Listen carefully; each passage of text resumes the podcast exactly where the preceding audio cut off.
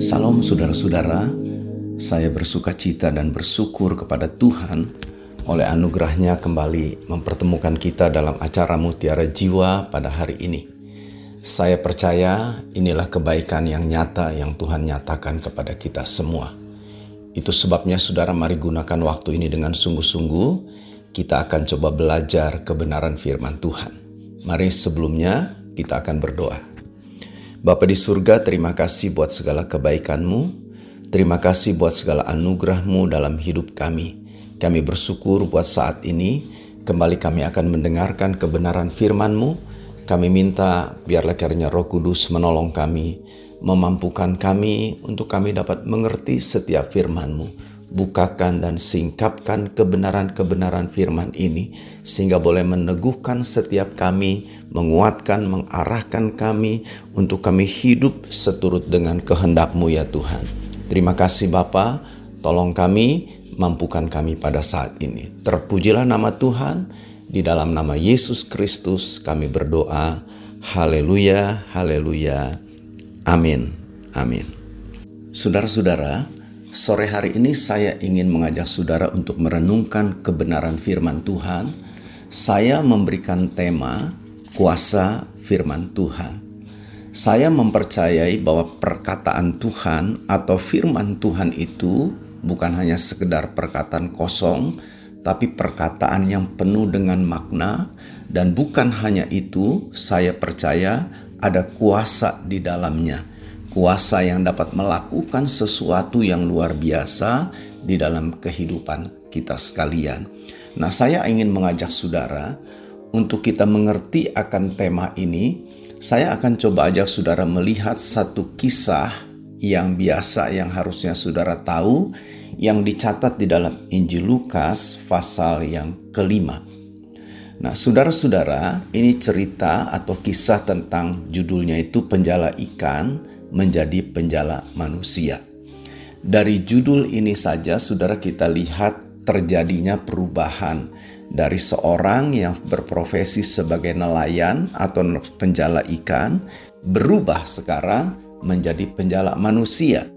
Bagaimana hal itu terjadi? Sekali lagi, saya katakan, ini adalah kuasa firman. Nah, saudara-saudara, kisah ini memang dicatat di dalam ketiga Injil baik dalam Injil Matius, Markus maupun Lukas. Tetapi saya melihat saudara Lukas lebih rinci, lebih panjang lebar atau lebih jelas saudara dibandingkan dengan Matius maupun Markus. Nah, itu sebabnya saya ajak saudara untuk melihat apa yang dicatat Lukas di sini. Dalam ayat yang pertama dikatakan begini, pada suatu kali Yesus berdiri di pantai di pantai Danau Genesaret, sedang orang banyak mengerumungi dia hendak mendengarkan firman Allah. Perhatikan itu, Saudara. Lalu dikatakan ia melihat dua perahu di tepi pantai, nelayan-nelayannya telah turun dan sedang membasuh jalaknya. Ia naik ke dalam salah satu perahu itu, lalu yaitu perahu Simon, dan menyuruh dia supaya menolakkan perahunya sedikit jauh dari pantai.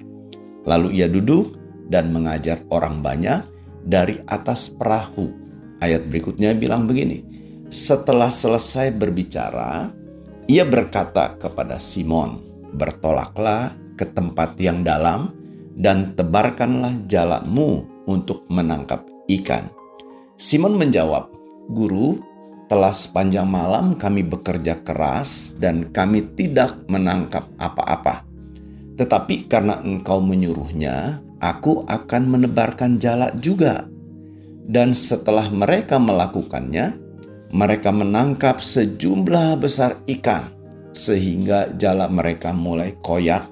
Lalu mereka memberi isyarat kepada teman-temannya di perahu yang lain, supaya mereka datang membantunya dan mereka itu datang, lalu mereka bersama-sama mengisi kedua perahu itu dengan ikan hingga hampir tenggelam.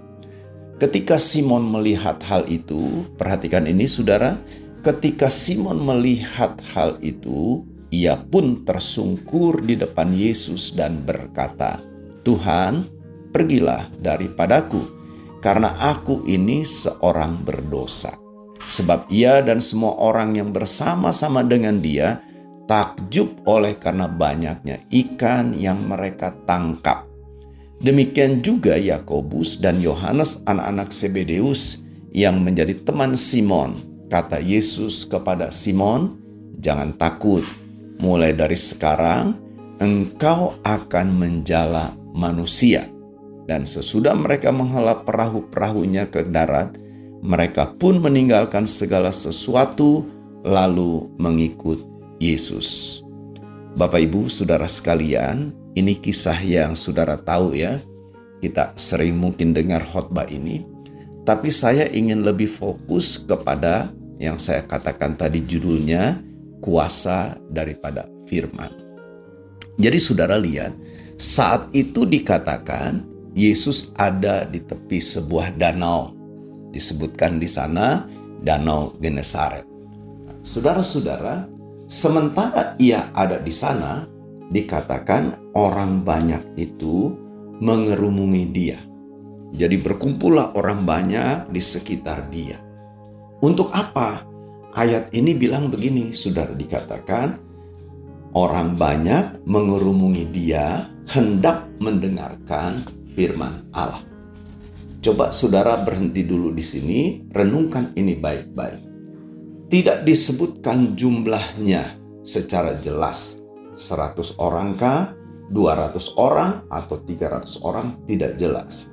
Tetapi yang pasti dikatakan di sini jumlahnya itu banyak. Nah, Saudara, mereka datang mendekat kepada Yesus, mereka datang mengurumungi Yesus dengan satu maksud, yaitu apa? Dibilang mendengarkan firman Allah. Dari kalimat ini, Saudara, saya mulai merenungkan berarti ada sesuatu nih yang luar biasa dengan firman Allah. Saya kira saudara kalau firman Allah itu sesuatu yang tidak bernilai, sesuatu yang tidak ada makna apa-apa, tidak ada yang istimewa, ya mungkin orang nggak akan mau mendengarkannya. Nah jadi saudara-saudara lihat, ini tentu memberikan kepada kita satu penjelasan bagaimana dahsyatnya, bagaimana luar biasa ya yang namanya firman Allah itu. Saya coba ajak saudara mundur sejenak jauh ke dalam kitab kejadian. Alkitab jelas mencatat Allah menciptakan segala sesuatu dengan firman-Nya. Dia berfirman, dia berkata, berbicara, menyampaikan firman-Nya, maka semuanya itu jadi. Luar biasa saudara ya. Lalu kita mendapatkan penjelasan dari Injil Yohanes bahwa kenapa hal itu begitu dahsyat, begitu luar biasa. Kenapa firman itu sepertinya sesuatu yang begitu menarik, bukan hanya menarik tapi berkuasa begitu luar biasa. Injil Yohanes mengatakan pada mulanya adalah firman, firman itu bersama-sama dengan Allah dan firman itu adalah Allah. Jadi saudara kita melihat ada kesatuan antara firman dan Allah. Satu menjadi satu yang tidak dapat dipisahkan. Itu sebabnya tidak heran kalau saudara kita lihat sikap orang-orang ini yang datang saudara untuk mendengarkan firman. Karena pasti saudara saya yakin firman itu luar biasa memberkati mereka, bukan hanya memberkati, tapi mereka mendapatkan sesuatu, saudara, yang selama ini mungkin tidak pernah mereka dapatkan dari tempat lain. Nah, jadi Bapak Ibu Saudara sekalian, kalau begitu kita melihat betapa pentingnya firman ini. Saya kira saudara harusnya sepakat dengan saya bahwa firman Allah itu begitu penting di dalam hidup kita. Di dalam Alkitab, kita tahu saudara Mazmur 119 itu adalah pasal yang terpanjang dalam Alkitab. Apa yang dibahas di sana mulai dari ayat pertama sampai dengan ayat yang terakhir membahas atau mengatakan memperbincangkan tentang firman atau tentang Torah. Saya pikir saudara, kalau andai kata saja pemazmur mau begitu ya, mungkin lebih daripada sejumlah ayat itu akan bisa lebih panjang lagi saudara. Tetapi tentu Tuhan memandang cukup ya sampai di ayat 150 itu. Nah, Bapak Ibu Saudara sekalian, jadi memang kita melihat ada sesuatu yang begitu luar biasa di dalam firman ini. Paulus ketika dia menuliskan suratnya kepada Timotius, dia bilang begini, segala tulisan yang diilhamkan Allah memang bermanfaat. Jadi saudara lihat, Paulus tegaskan firman Allah itu bermanfaat, berguna bagi saudara, bagi saya, berguna bagi manusia. Jadi saudara sekali lagi saya bilang, tidak heran kalau orang-orang banyak itu datang untuk mendengarkan firman. Karena mereka tahu, mereka mengalami, mereka mengerti bahwa firman itu bermanfaat, sangat bermanfaat bagi hidupnya. Saudara, sampai di sini coba kita merenung sejenak tentang diri kita. Sejauh mana pandangan kita terhadap firman Allah? Apakah kita menganggap firman Allah itu sebagai sesuatu yang sangat bermanfaat dalam hidup kita? Atau saudara, ya hanya sekedar berita, hanya sekedar bacaan biasa yang setara katakan dengan berita-berita yang kita dengar di televisi, dengan berita-berita yang kita baca di media massa dan sebagainya. Apa seperti itu? Nah tentu saudara penilaian kita, sikap kita, atau pandangan kita ini akan menentukan langkah kita berikutnya. Saya tahu andai kata kita ini saudara benar-benar memandang, melihat, mengerti bahwa firman Allah itu benar-benar sangat berguna, saya yakin saudara tidak akan ada orang yang mengabaikan firman tidak akan ada orang yang tidak datang dalam ibadah karena mereka ingin dengar firman. Tidak ada orang Kristen, saudara, yang tidak membaca Alkitab kalau mereka ngerti. Tetapi saya katakan, saudara, kenapa orang tidak suka? Bahkan ya orang datang ke gereja mau dengar khotbah itu kadang-kala males-malesan. Banyak halangannya lah, saudara, banyak alasannya dan dengan mudah mereka tinggalkan. Mereka katakan, eh sudah nanti lagi lah minggu depan juga masih ada. Banyak faktor, saudara, banyak fakta-fakta yang saya lihat seperti itu. Bapak Ibu Saudara sekalian, ada satu keprihatinan dalam diri saya tentang seseorang. Saya tahu saya kenal seseorang itu dari masa kecilnya. Dia dididik, dia dibesarkan saudara dalam keluarga Kristen yang menurut saya cukup baik.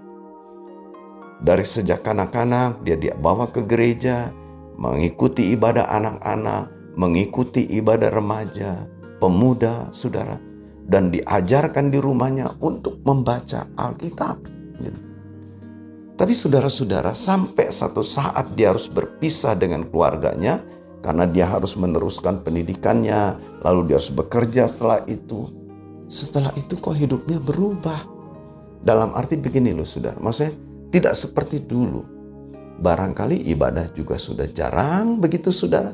Baca Alkitab pun ya mungkin juga sudah tidak lagi. Nah ini satu hal yang bagi saya sangat memprihatinkan. Saya menemukan banyak orang-orang Kristen yang bersikap seperti itu. Saudara-saudara, kenapa ya begitu? Kalau menurut saya begini. Saudara orang yang tadi saya ceritakan bisa jadi dia mengikuti dari sejak kecilnya itu ya karena mungkin desakan dengan orang tua dan sebagainya. Bisa jadi. Walaupun saya percaya apa yang sudah ditanamkan oleh orang tuanya di masa kecilnya pasti tidak akan sia-sia. Nanti saya akan cerita lagi sama saudara bagaimana endingnya orang itu. Nah, Bapak Ibu Saudara sekalian, tapi yang saya mau katakan, sikap kita terhadap firman Allah itu menentukan tindakan-tindakan kita.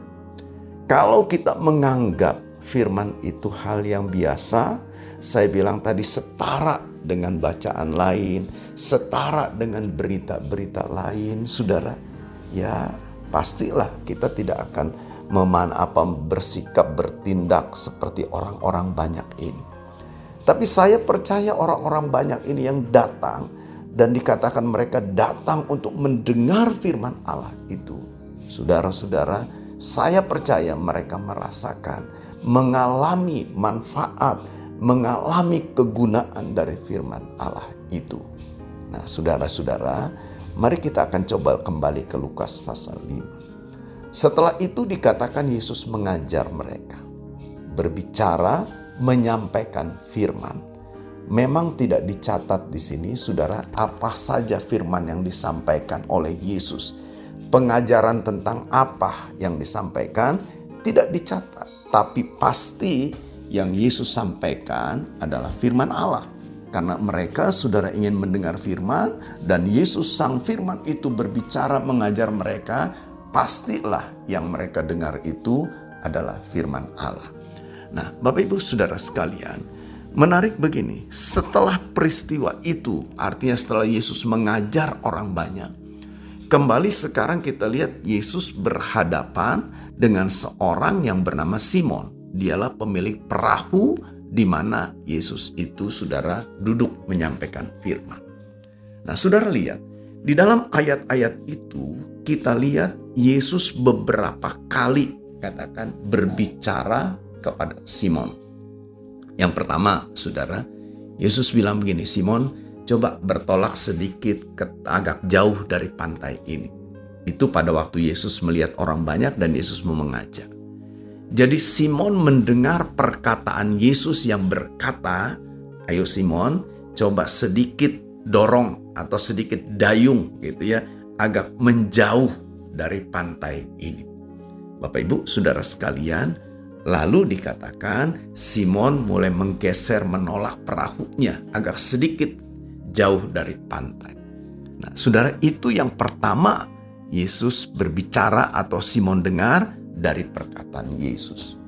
Nah, selesai saudara menyampaikan semua pengajarannya itu, yang kedua kita lihat Simon mendengar kalimat yang mirip-mirip ya. Dikatakan setelah itu dikatakan begini di dalam ayat yang keempat tadi, bertolaklah ke tempat yang dalam. Kalau tadi Simon dengar supaya menolak perahunya ini menolakkan perahunya agak jauh sedikit dari pantai. Nah, lalu sekarang dia dengar perkataan Yesus yang berkata, "Bertolaklah ke tempat yang lebih dalam," berarti lebih ke tengah, begitu sudah. Dan bukan hanya itu, Yesus juga bilang begini, "Dan tebarkanlah jalamu untuk menangkap ikan." Saudara ini menarik di sini ya. Jadi kita lihat Yesus berbicara kepada Simon, dan Simon mendengarkan apa yang Yesus katakan.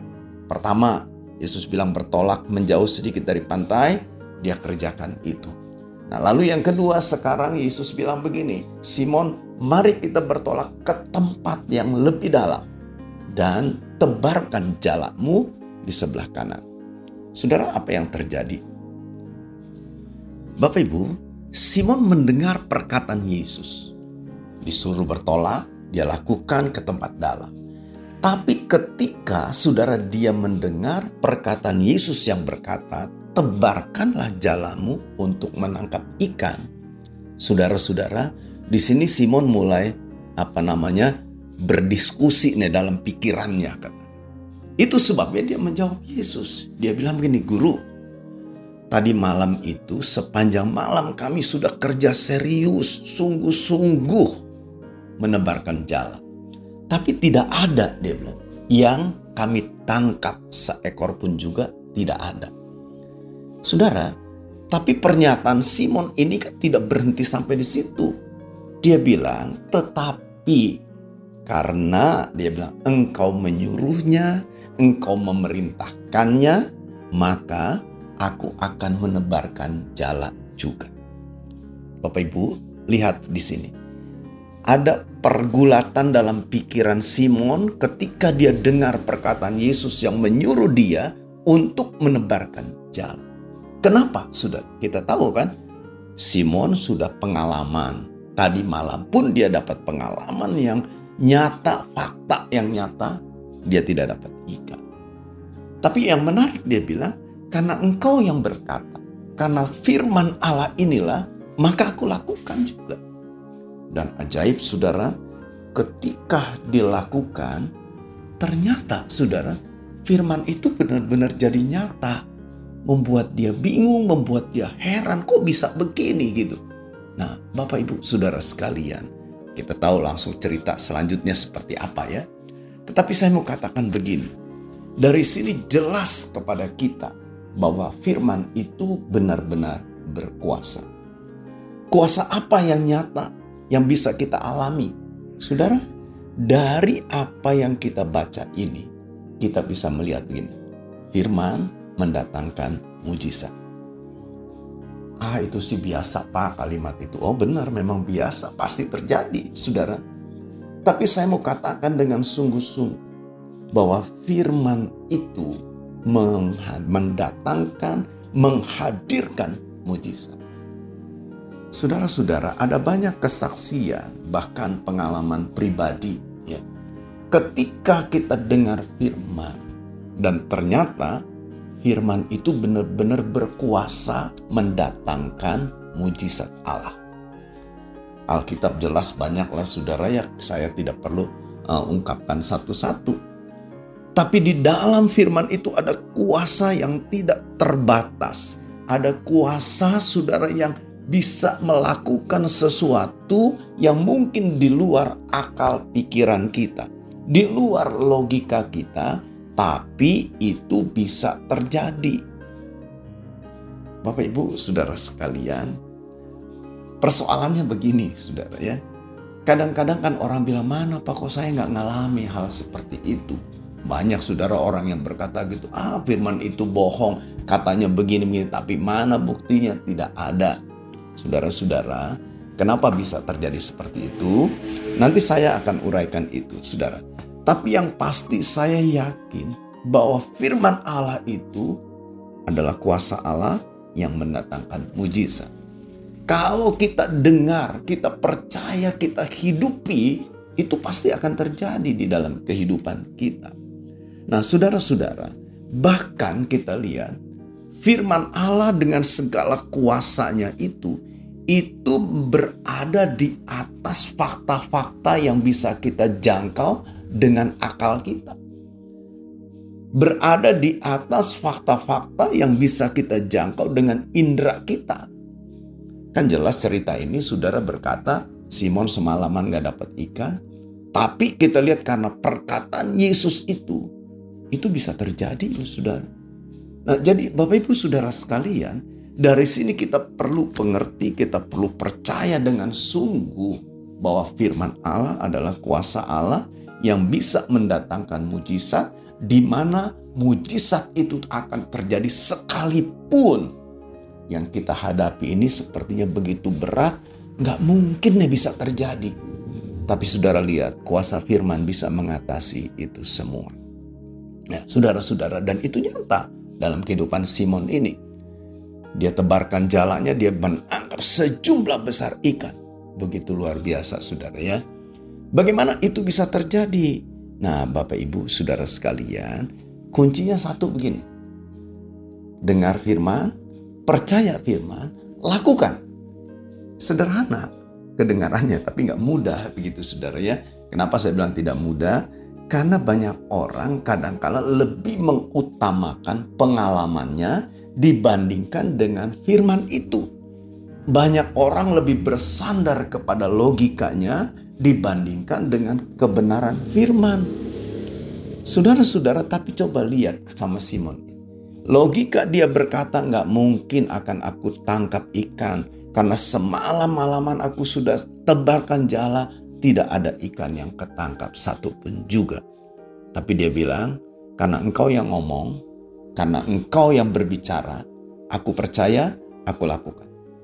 Nah, Bapak Ibu Saudara sekalian, ini yang sebetulnya menjadi kunci. Ketika kita dengar firman dan kita percaya kita melakukannya, maka firman itulah yang akan menyatakan kuasa kepada kita. Jadi mari belajar saudara, jadilah pribadi yang percaya akan firman. Jadilah pribadi yang meyakini akan firman dan juga menghidupinya, melakukannya di dalam kehidupan kita. Ya, jadi saudara lihat firman mendatangkan mujizat. Firman mengatasi pengalaman, mengatasi jangkauan dari akal kita, mengatasi dari jangkauan indera kita yang ada. Saudara, lalu kalau kita lihat cerita selanjutnya, saudara-saudara, setelah itu terjadi, apa yang dilakukan oleh Simon? Dia bilang begini saudara, kalau saudara baca baik-baik ayat yang ke-8, ketika Simon Petrus melihat hal itu, ia pun tersungkur di depan Yesus dan berkata, Tuhan, pergilah daripadaku, karena aku ini seorang berdosa. Kalau kita baca sepintasan begitu, sepertinya kok bukannya bersyukur malah menyuruh Yesus pergi gitu saudara ya seakan-akan seperti itu kan. Tetapi saudara-saudara tentu kita paham bukan itu maksudnya. Saya coba baca dalam terjemahan lain. Terjemahan firman Allah yang hidup berkata begini. Ketika Simon menyadari apa yang telah terjadi, ia berlutut di hadapan Yesus dan berkata, "Ya Tuhan, tinggalkanlah kami. Saya orang yang penuh dosa dan tidak layak Tuhan dekati. Wah, saudara-saudara, ini bukan bukan satu sikap mengusir kan begitu. Ternyata kita lihat firman itu, saudara, memberikan sebuah kesadaran, penyadaran akan diri sebagai orang berdosa. Nah, saudara lihat, ini kuasa firman yang luar biasa. Firman itu menyadarkan, membecelikan mata kita sadar siapa kita ini. Ternyata selama ini saya menganggap diri saya baik, orang paling benar, orang paling suci, nggak salah, lurus terus. Eh ternyata setelah firman dinyatakan, saya hanya bagaikan kain kotor. Dari ujung rambut sampai telapak kaki, nggak ada yang layak. Bapak ibu saudara sekali, ada satu cerita yang saya baca begini. Saudara, pagi-pagi ya ketika matahari mulai naik begitu, seorang ibu rumah tangga, dia buka jendela rumahnya. Ya, awalnya dia perhatikan rumahnya bersih-bersih saja sudah dia bersihkan gitu. Tapi ketika saudara dibuka jendela itu, lalu sinar matahari masuk menembus jendela itu, tampak ada debu-debu yang berterbangan baru kelihatan. Awalnya kan nggak kelihatan, saudara, karena memang mungkin terlalu kecil sekali. Jadi dari sini saya melihat Itulah kuasa firman.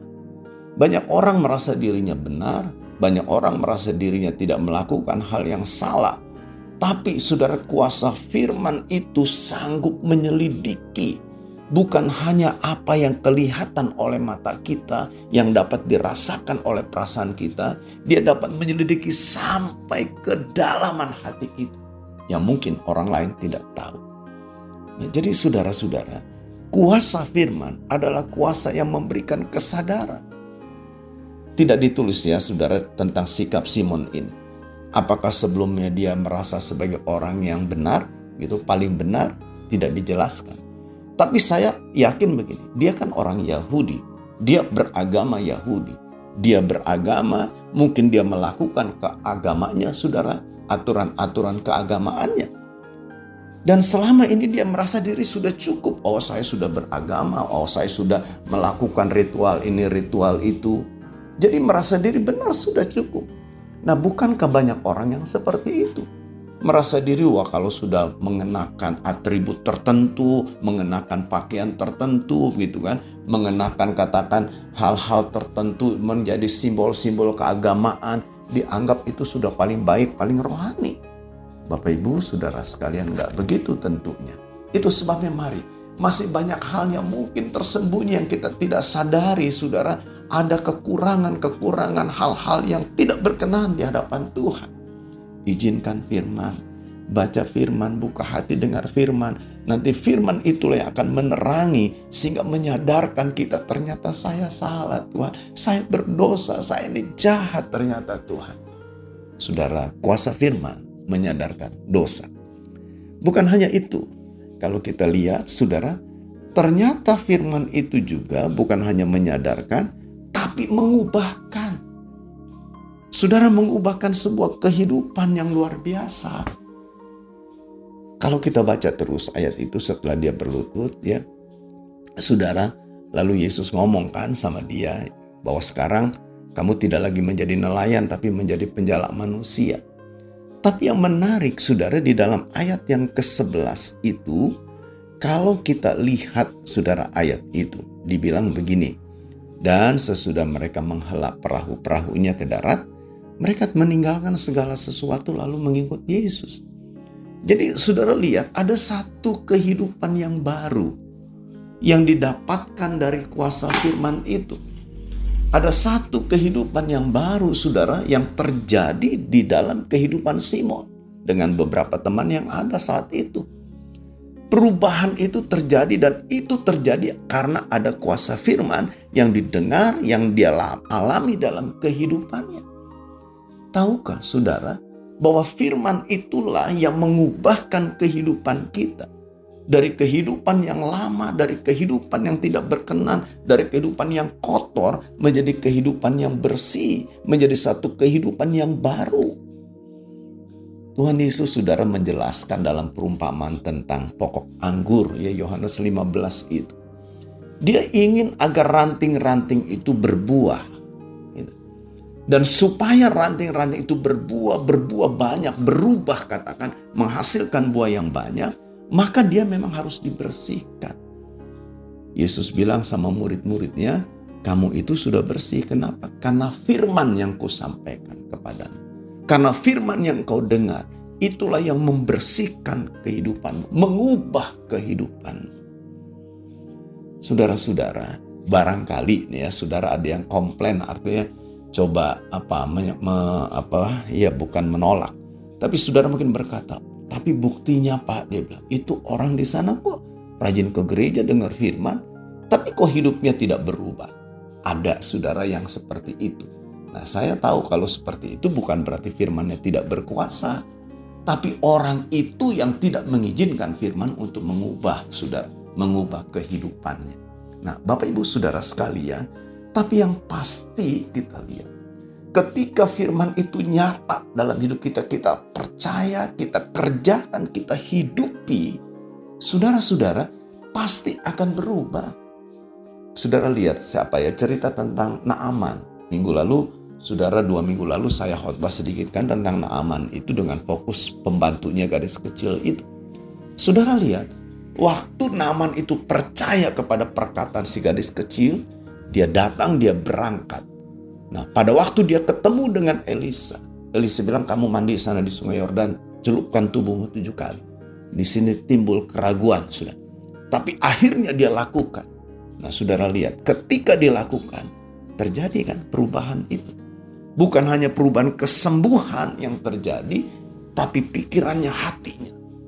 Saudara-saudara, dia tetapkan hatinya untuk meyakini akan Allahnya Elisa yang begitu luar biasa. Jadi saudara, benar kalau dikatakan firman itu mengubah hidupmu. Kalau kita ingin berubah, ya kita harus dengar firman. Kalau kita ingin melihat perubahan-perubahan yang terjadi di sekitar kita, di keluarga kita, di rumah tangga kita, di pasangan hidup kita, saudara-saudara, sampaikan firman. Karena hanya firmanlah saudara yang sanggup mengubah, nggak ada yang lain. Jadi ingat ini baik-baik, saudara. Saudara mungkin punya pasangan, punya suami atau istri yang aduh rasanya gimana. Saudara ingin supaya mereka berubah, supaya dia ini berubah. Marahin setiap hari, diomelin setiap hari. Saudara tidak akan berubah, malah terus rumah tangga kita malah jadi neraka nantinya. Tapi saudara ketika kita menyampaikan firman, entahkah lewat kata-kata hidup kita, atau lewat cerminan kehidupan kita yang mencerminkan firman, kita akan melihat adanya perubahan. Saya membaca sebuah kisah hidup dari pendeta Dr. Octavianus Sudan. Oh, saya nggak tahu ya apa dia masih hidup atau tidak sekarang, saudara. Ya, saya tidak mengerti. Tapi saudara saya membaca dari bukunya, ketika dia baru sampai di Jawa Timur itu di Malang, dia bilang begini, tidak banyak orang-orang di sana masyarakat sana percaya Yesus. Hanya dapat dihitung jari mungkin diistilahkan begitu. Dia hadir di sana. dan kita lihat terjadi sebuah perubahan. Perubahan itu terjadi bukan karena dia hebat, tapi karena dia menyampaikan firman. Karena firman disampaikan, maka perubahan itu terjadi.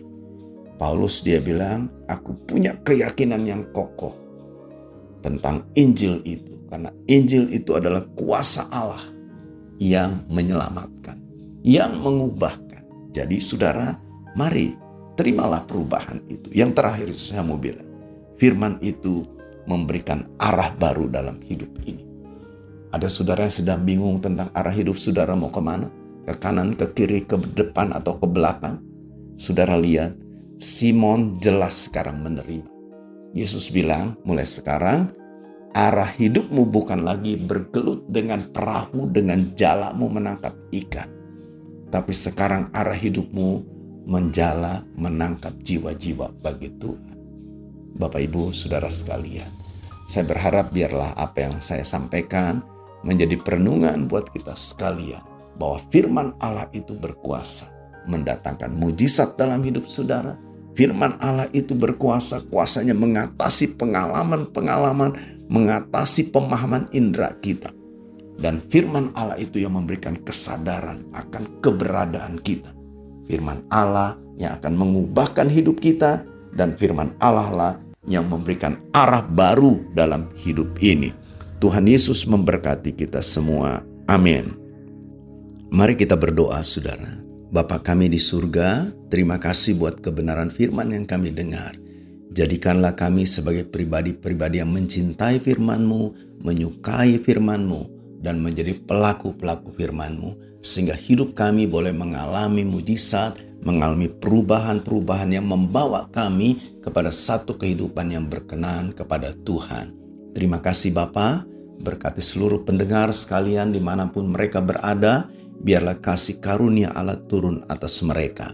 Yang lemah dikuatkan, yang sakit disembuhkan, yang sedang bersusah hati, mereka mendapatkan penghiburan, kekuatan, dan pengharapan yang baru dari Engkau Tuhan.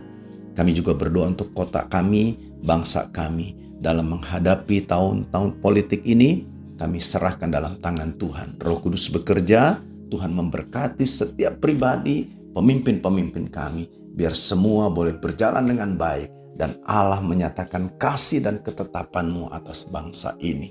Terima kasih Tuhan, kami kembalikan segala pujian, segala hormat hanya bagi nama Tuhan. Di dalam nama Yesus, haleluya, haleluya, amin, amin.